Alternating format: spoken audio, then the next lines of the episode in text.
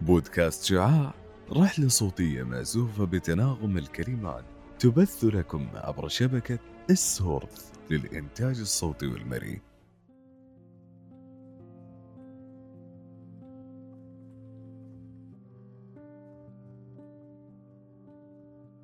أهلا لربما مجددا. أنا رواب المقاضي. أهلا وسهلا مستمعين بودكاست شعاع قد لازمني تساؤل يدور في ذهني منذ مدة إن قلت لكم فيزياء طبية ما الذي سيجول في أذهانكم؟ هل هي الفيزياء التي اعتدنا عليها أم شيء آخر؟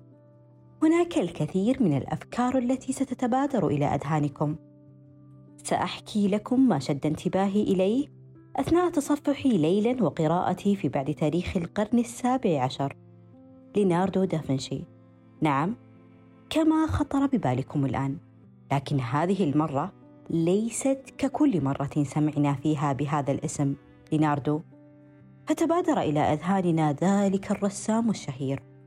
بل إن ما شد انتباهي في هذه المرة بخصوص هذا الاسم هو ارتباط ليناردو بالفيزياء الطبية. بداية كل شيء يكمن في القرن السابع عشر بخصوص ميكانيكا جسم الإنسان وما علاقتها بالكهرومغناطيسية.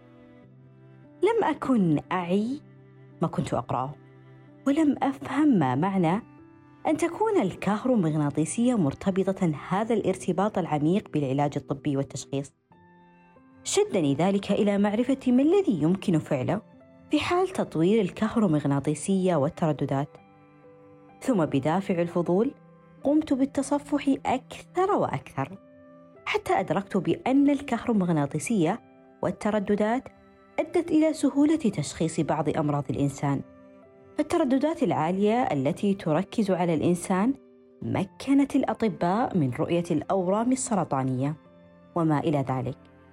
وكما يلقب بالفيزياء الطبية فإنه تخصص ذات اهتمام عالي. يربطه بالفيزياء التطبيقية التي أساسها النظريات في المجالات الطبية لتشخيص ما يمكن علاجه لدى البشر من بعض الأمراض.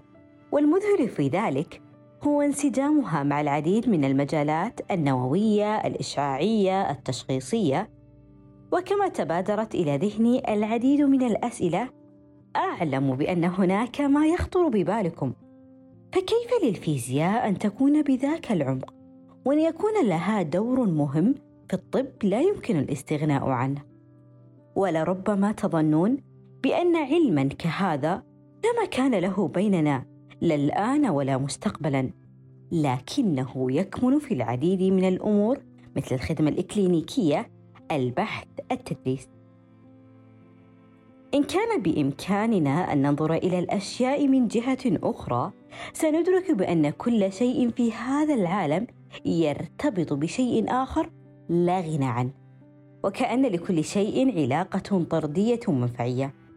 فكما أن الفيزياء ذات منافع كونية فهي أيضا نافعة في المجال الطبي للإنسان وكأنها النقطة المركزية لكل ما يدور من حولنا.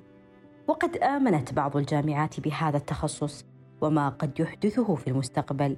من تغيير مثل جامعة الملك عبد العزيز جامعة أم القرى وجامعة الأميرة نورة فقاموا بإعطاء هذا العلم حقه. لذا يمكنك دراسته لدى تلك الجامعات لمدة أربع سنوات تضاف إليها سنة امتياز. ما قد يراه البعض مدة طويلة إلا أن هذا التخصص شيق في تعلمه وما سيجعلك تكمله حتى النهاية هو حبك له. قد يتبادر إلى أذهانكم. ما أهمية الفيزياء بشكل عام؟ كما تبادر أيضا إلى ذهني هذا السؤال. ولقد تساءلت أيضا ما الذي يميزه؟ وكما قلت سابقا بأن الفيزياء هي النقطة المركزية لكل شيء من وجهة نظري من حيث ارتباطها بالكون والدقة التي تظهر لنا نتائج الاستكشافات. فماذا لو كانت تتعلق بالطب؟ ما الكم الهائل من التطوير والدقة والتشخيصات التي لربما تقودنا إلى استكشافات جديدة؟ قد تنقذ البشرية من العديد من الأمراض الخطيرة مستقبلاً. وكما أن النقطة المركزية قد تم لنا من خلالها تعلم هذا الكم الهائل من المعلومات والتمكن من تطوير الكثير عبر تعلمها فهي أيضا ستمكن الإنسان من كيفية استغلال هذا العلم في المجال الطبي تطويرا وتقدما كفرصة لربما لا تتاح له مجددا في المستقبل ولدى البعض نظرة أخرى بشأن تمكين المرأة من هذا التخصص لكن في العلم لا يوجد ما يعيق ففي سبيل تعلم المرأة هذا العلم يوجد من البرامج ما يحمي المرأة الحاملة والمرضعة من المخاطر المتعلقة به والمتمثلة في الاشعاعات ولنتحدث قليلا بعد عما يمكنك فعله بالكم الهائل من هذا العلم. فكما ترون أنه يمكننا الاستفادة منه في المجال الإكلينيكي فإنه أيضا يستفاد منه في المستشفيات مراكز الأورام شركات الأجهزة الطبية والحماية من الإشعاع أيضا المجال الأكاديمي. لكن ما هو المجال الأكاديمي؟ حسنا ينخرط في المجال التعليمي كالتدريب والجامعات وأيضا في البحث والتطوير وأخيرا في المفاعلات الذرية والمسارعات. مستمعي بودكاست شعاع وكما لم نتوقع في البداية من دافنشي ان تكون له صلة بالفيزياء الطبية؟ إلا أن عليكم أن تتجاوزوا حدود تلك التوقعات. فما زالت الحياة مستمرة والفرصة متاحة لكل من لم يجد ذاته. وتذكروا بأن لكل شيء عائق لكن ما يجعل الإنسان متميزا هو كسره لذلك العائق وصولا إلى تحقيق طموحه.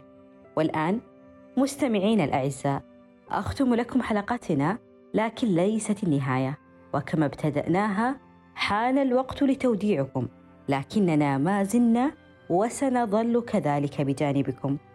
مستمعي بودكاست شعاع نتمنى لكم حياة مشرقة ومستقبلا واعدا مليئا بالإنجازات. شاكرين لكم حسن استماعكم.